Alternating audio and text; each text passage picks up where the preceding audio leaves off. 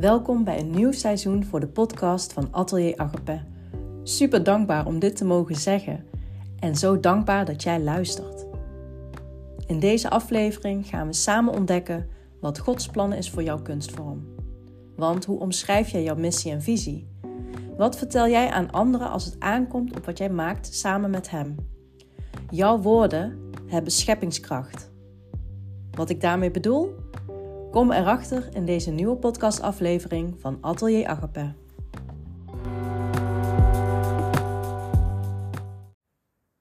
Jouw woorden hebben scheppingskracht. Ik wil jullie een stukje meenemen in wat ik de afgelopen weken ben tegengekomen in mijn voorbereiding voor deze podcast.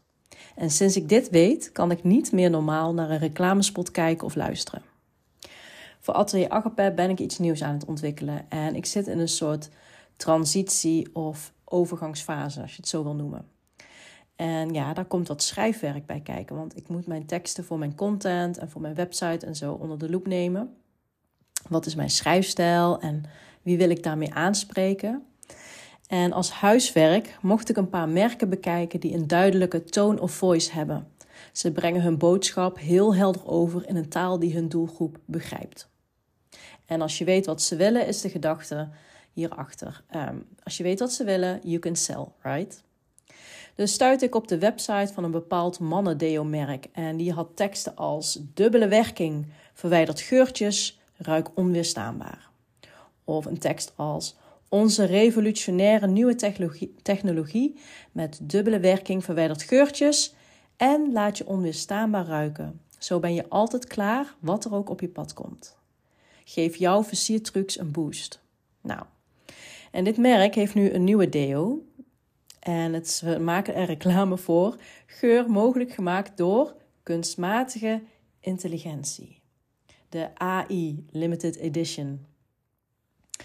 Luister, mogelijk gemaakt door kunstmatige intelligentie, 42 terabytes aan data, 7000 ingrediënten, 3,5 miljoen mogelijke combinaties, één geur. Wil je de code om iconisch te ruiken? Nou, het gaat hier om zweet. Om een of andere manier is het ze gelukt om van zweet, een ongemak, niet alleen een noodzaak te maken, maar een lifestyle. Als jij dus man bent tussen de 13 en de 35, je wilt lekker ruiken en je wilt tips en tricks voor dating, man, snel naar de winkel nu. Snap je? Woorden.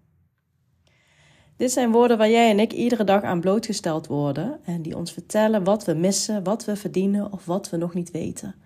In reclames, in films, in winkels, op radio, TikTok, Instagram en nog veel meer andere plekken waar jij en ik dagelijks onze tijd doorbrengen. En misschien ken je dit woord nog. Niet zo lang geleden was YOLO het woord van het jaar. Ehm, ik hoorde in een liedje Purpose over Pleasure van Jonathan Traylor de zin You only die once. Want als kind van God hebben we het vooruitzicht op eeuwig leven. Dat vond ik best een goeie. In 2022 uh, eh, werd er een woord van het jaar gekozen. En het was best wel een bijzondere, maar met slechts 3% minder stemmen kwam op plaats 7, of sorry, op plaats 2 de zevenvinker. Iemand die zeven vinkjes kan afvinken op een denkbeeldige lijst. Uh, hier komt ie. Man, blank, hetero, afgerond VWO, universitaire studie, autochtone vader of moeder, rijke of ho hoogopgeleide ouders. En op die grond maatschappelijk bevoorrecht. Hm. Kennelijk hebben we in 2022 veel met de zevenvinker te maken gehad, maar ik vind het weinig tot de verbeelding sprekend of een goede beschrijving van 2022. Nou, dan liever de nummer 1. Uh, de nummer 1 heeft het gehaald tot deze geweldige lijst en uh, heeft een plekje in de dikke vandalen gekregen. En dat woord is de klimaatklever. Een activist die zich aan een object van symbolische waarde vastplakt om de aandacht van het publiek te vestigen op de klimaatproblematiek. Je weet wel, die gast die zich heeft vastgeplakt aan de tafel van Bo, uh, aan een kunstwerk. Het is op ons netvlies gebrand. En het is in het woordenboek terechtgekomen, dus je kunt zeggen: missie geslaagd, klimaatklever. Ik zag aan het begin van het jaar veel mensen op Instagram die een woord voor dit jaar hadden gekozen. En niet als een goed voornemen, dus niet als een gewoonte om die na drie weken weer, uh, los te laten, omdat het niet haalbaar is, maar meer als leefregel, als motto, als credo. En dat waren woorden zoals creëren, genieten en meer van God. Het zijn woorden waar we naar leven. Mijn woord voor dit jaar is Rafa. Genezing vinden door tegen Hem aan te leunen. In Exodus 15, vers 26 staat: De Heer die geneest. Ik ben de Heer die u geneest, zowel het lichaam als de geest.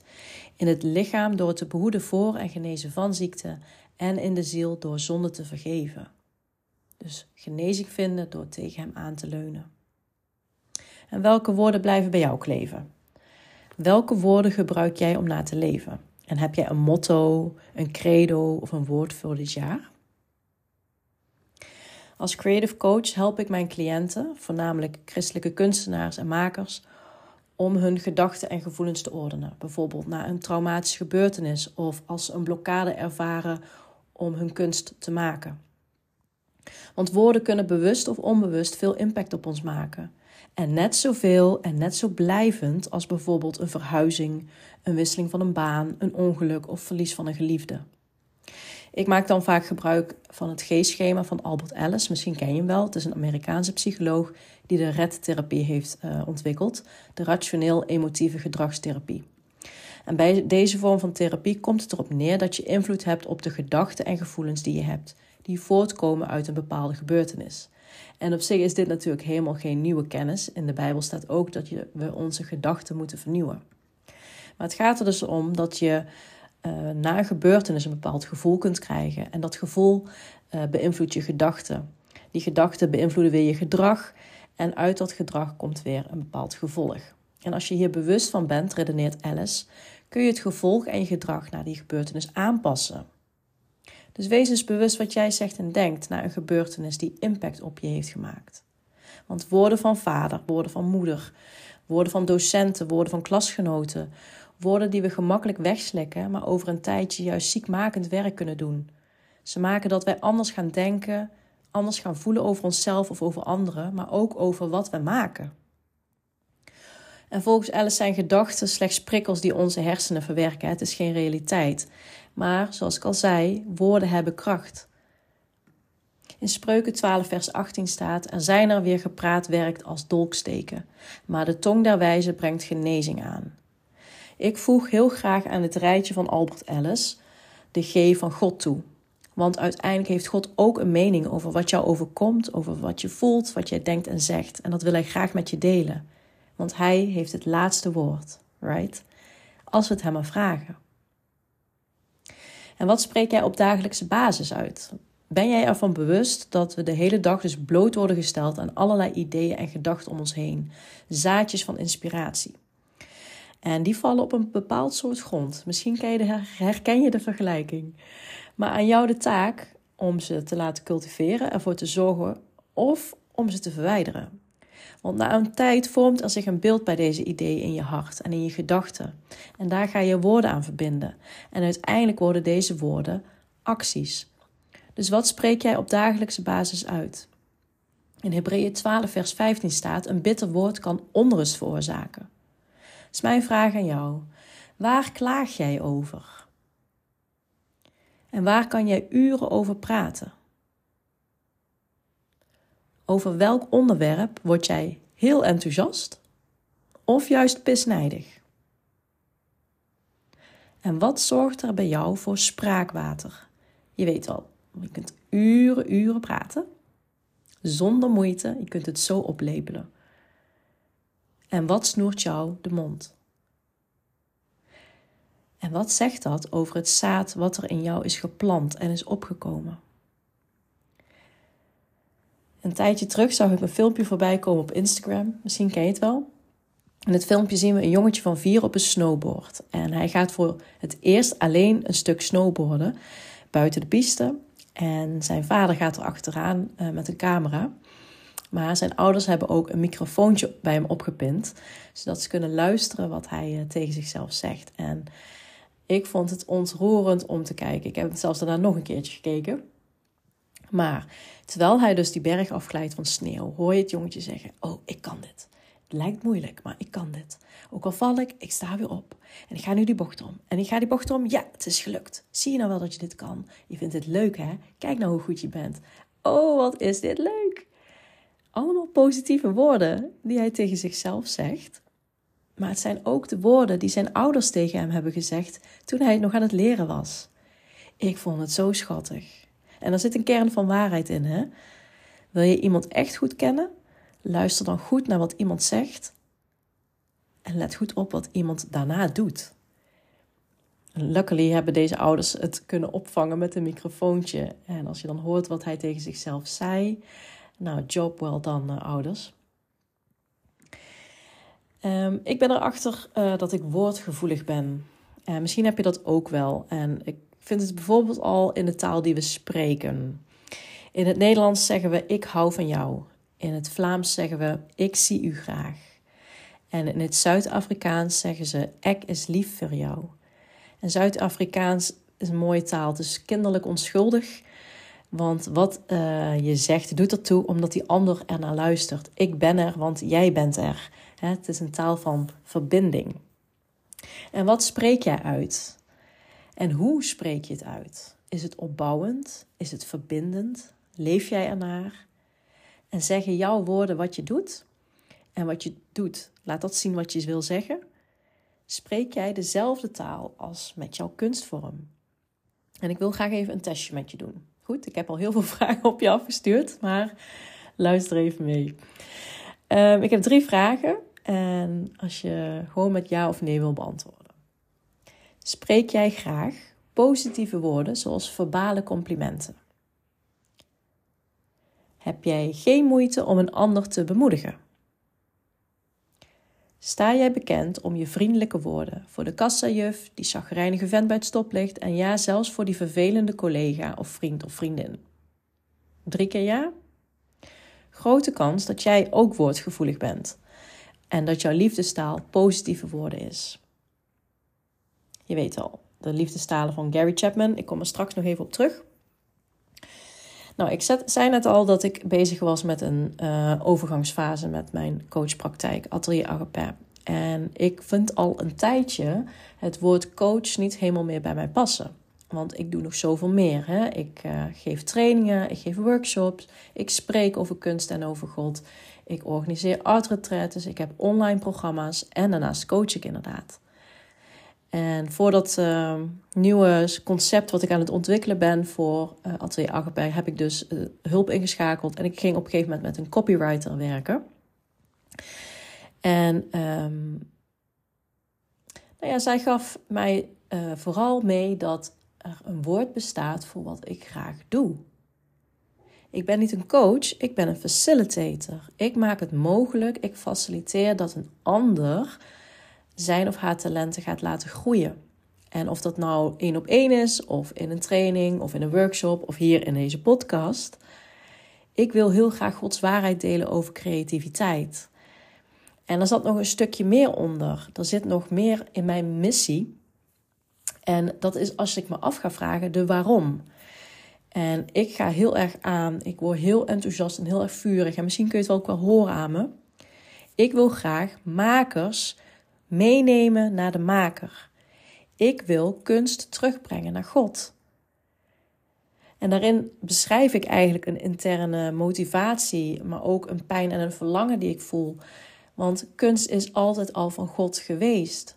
Maar ik moet naar vijandig gebied om het weer terug te roven. En dat kan ik niet alleen. En het is een missie die ik graag met jou wil delen. Want ik kan dit nogmaals niet alleen. En woorden kunnen heel hard binnenkomen. Als iemand iets zegt dat jij niet kan, dan denk je misschien al snel dat dit de waarheid is. Maar dat is niet per se waar.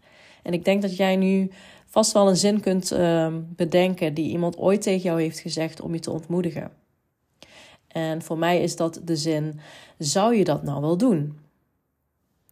Ooit uitgesproken door iemand die veel voor mij betekent, maar die niet begrijpt waar ik mee bezig ben met Atelier Agape. Die dus niet begrijpt wat mijn missie is en mijn visie voor mijn kunstvorm en voor mijn bedrijf.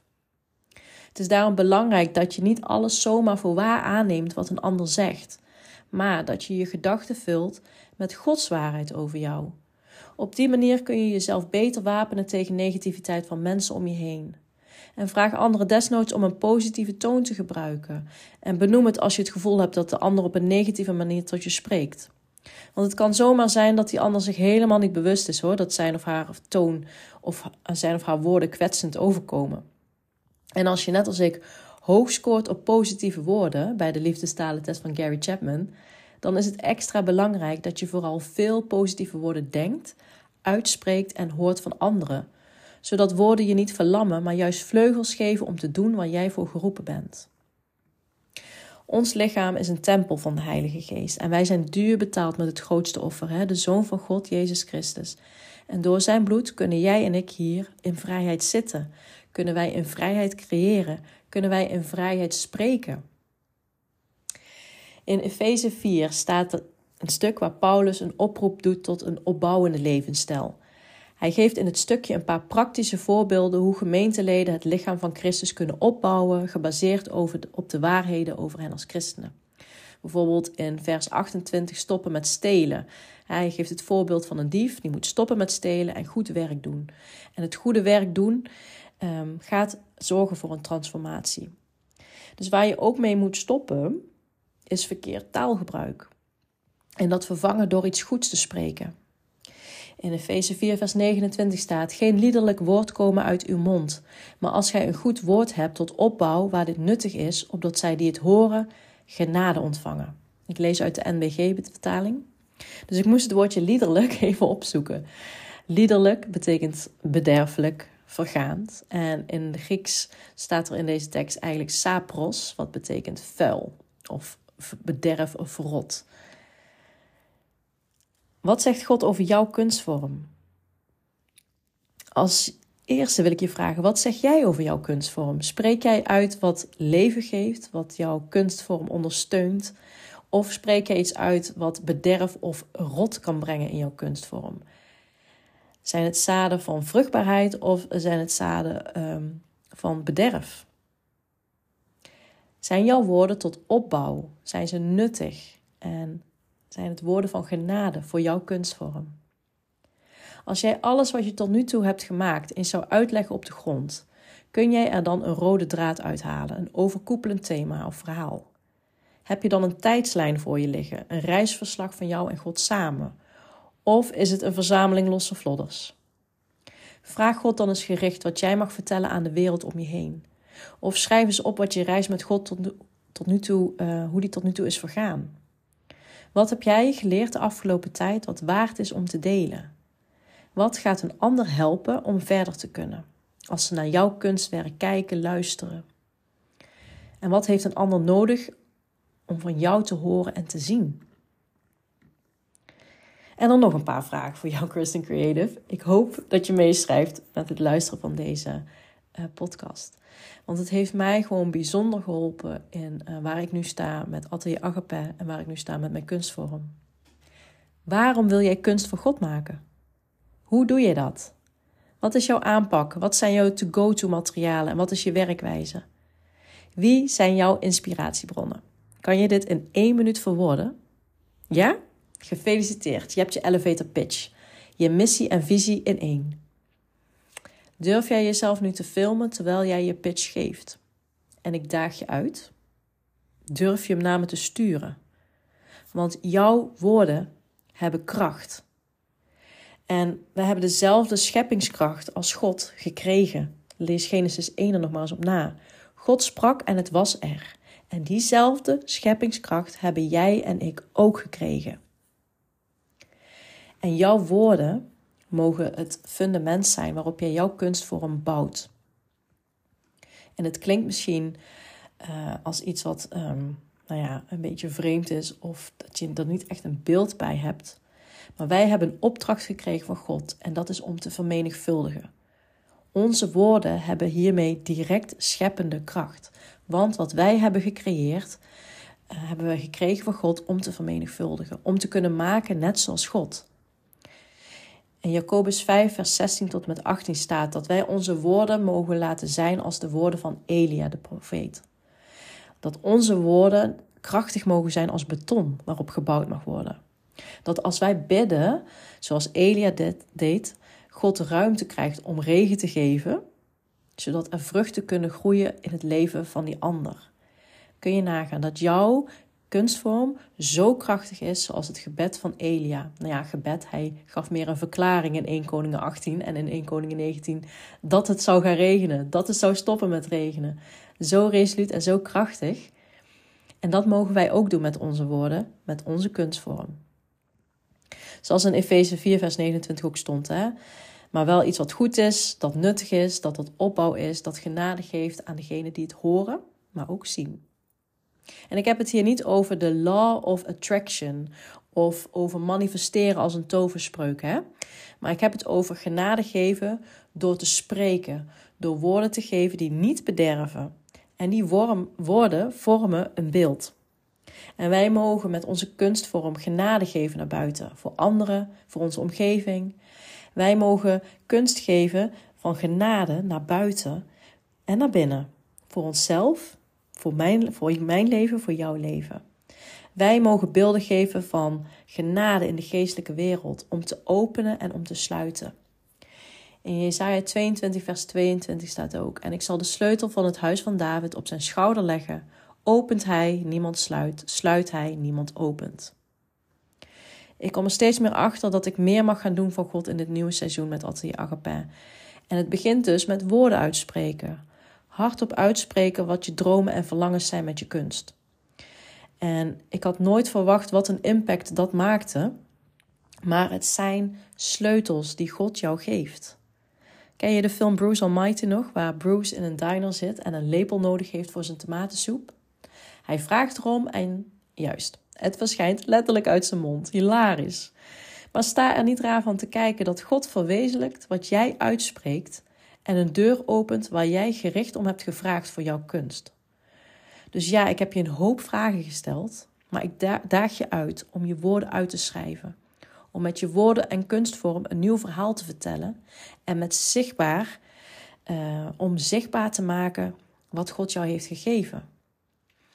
Soms vergeet je dat je een bepaalde voorliefde had voor een kunstvorm. En ik ben altijd al een schrijver geweest, al vanaf kinds af aan. Maar dichten en spreken, oh Heer, wat vraagt u nu van mij? Maar ik wil je bemoedigen, christen want God is een God die uitdaagt om je geloof en talent te stretchen. Because that's how you grow. Dus schrijf vandaag jouw missie en visie eens uit. Jouw belofte, jouw liefdesbrief voor Hem. Dus dit gedicht is speciaal voor jou. Een liefdesbrief van jouw hemelse papa. Een oproep om uit te delen van je kunst. Waar ben je, lieve schrijver? Kom en speel. Ja, jij. Hier is je pen. Kom je bij me zitten? En zie je die tuin daar? Hij is speciaal voor jou. Zou je dat nou wel doen? Wat ben je een slechte moeder? Ga jij jezelf hiermee vermoeien? Woorden. Lieve kind, verwonder je Ontdek. Kom en speel. Groei op en schrijf. En laat mij horen wat je hebt gemaakt.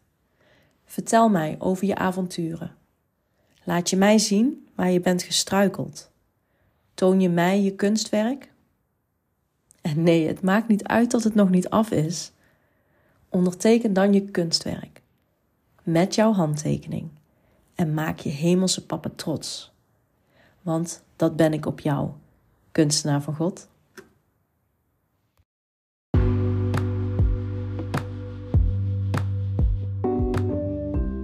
Dankjewel voor het luisteren van deze aflevering van Atelier Agape. Jouw kunstvorm heeft de kracht om het koninkrijk van God te laten zien aan de wereld om je heen. En wil jij na het luisteren van deze podcast een creatieve kickstart voor je kunstvorm, je art business, coachpraktijk of bediening? Dit voorjaar heb ik nog een aantal plekken voor één op één trajecten voor creatieve coaching. Of ga mee op art retreat in april. Liever je eigen tempo bepalen? Op 6 maart start de derde ronde van She Creates, mijn online programma om samen met God te creëren. Stuur me een mail via info.atelieragape.nl en laten we beginnen aan jouw creatieve reis met God.